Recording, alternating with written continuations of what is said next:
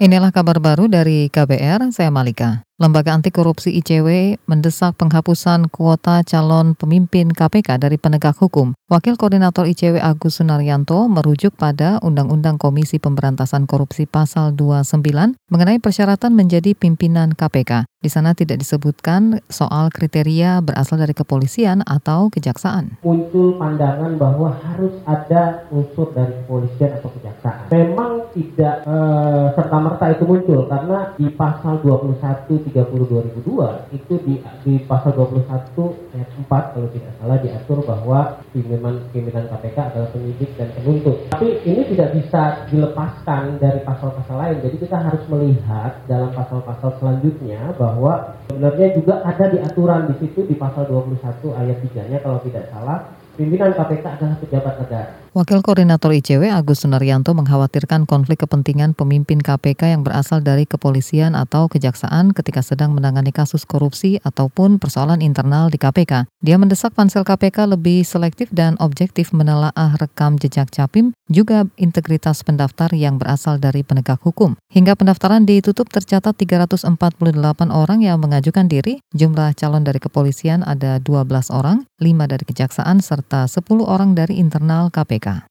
Komunitas SafeNet dan Paguyuban Korban ITE menggalang dukungan dana untuk terpidana kasus UU ITE baik Nuril Magnun. Sejak mulai dilakukan penggalangan Oktober lalu, dana yang sudah terkumpul sekitar 375 juta rupiah. Wakil Ketua Umum Paku IT Rudi Lombok mengatakan saat ini masih dibutuhkan dana sekitar 125 juta untuk membayar denda baik Nuril yang difonis bersalah oleh MA dalam kasus penyebaran rekaman bermuatan asusila. Eh, kami dari Paku IT sudah berusaha untuk menggalang dukungan melalui kitabisa.com baru terkumpul 300 uh, 375 juta. Kebutuhan kami adalah 500 juta untuk membayar denda yang di, akan diberikan pada negara. Ya sebenarnya denda ini juga cukup banyak dipertanyakan oleh para korban.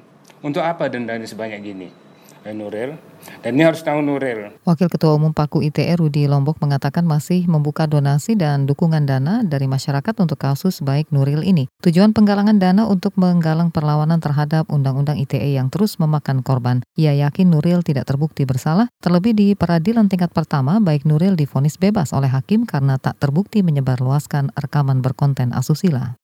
Anggota DPR RI Komisi Sosial dan Agama Rahayu Saraswati Dirakanya Joyo Hadikusumo pesimistis RUU penghapusan kekerasan seksual RUU PKS dapat disahkan pada periode pemerintahan saat ini. Alasannya, komisinya sedang memprioritaskan RUU lain, yaitu pesantren dan pendidikan keagamaan. Uh, rupanya ada rekan saya yang memang uh, dia ada agenda untuk memprioritaskan RUU lain, padahal RUU-nya itu baru tahun ini masuk, padahal RUU uh, eh, penghapusan kekerasan seksual sudah masuk dari tahun 2017. Uh, justru RUU yang baru ini yang saat ini sedang diprioritaskan, dan ini kita sebagai anggota beda eh, apa namanya posisinya dengan pimpinan. Anggota DPR RI Komisi 8 Rahayu Saraswati menjelaskan proses perancangan RUU PKS saat ini masih pada tahap revisi draft. Revisi dilakukan karena masih ada ketidaksepakatan pasal-pasal dalam RUU tersebut antara panitia kerja panja pemerintah dan DPR. Di antaranya tentang definisi kekerasan seksual, pemahaman feminisme dan hak atas tubuh seseorang. Saraswati mengatakan jika RUU PKS disahkan seharusnya dapat memberikan memberikan keadilan pada kasus yang serupa menimpa Baik Nuril,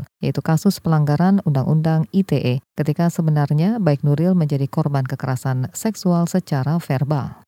Pengerjaan proyek jalan tol Manado Bitung molor lantaran terganjal pembebasan lahan sepanjang 13 km. Presiden Joko Widodo mengatakan jalan tol tersebut seharusnya bisa diresmikan dan beroperasi akhir tahun ini. Karena terganjal pengoperasian jalan tol Manado Bitung baru akan terrealisasi bulan Maret atau Mei tahun depan. Ia mengklaim jalan tol tersebut akan mendorong pertumbuhan sektor pariwisata dan kawasan ekonomi khusus industri Bitung. Tapi proses berjalan tadi saya sudah perintah jasa marga Budirut untuk cepatnya itu bisa diselesaikan. Jokowi sudah meminta PT Jasa Marga dan kontraktor proyek agar segera mengebut proses pembebasan lahan yang tersisa. Menurutnya, proyek tersebut harus segera rampung agar industri di kawasan ekonomi khusus Bitung kian menarik untuk investor dan wisatawan juga meningkat. Demikian kabar baru dari KBR, saya Malika.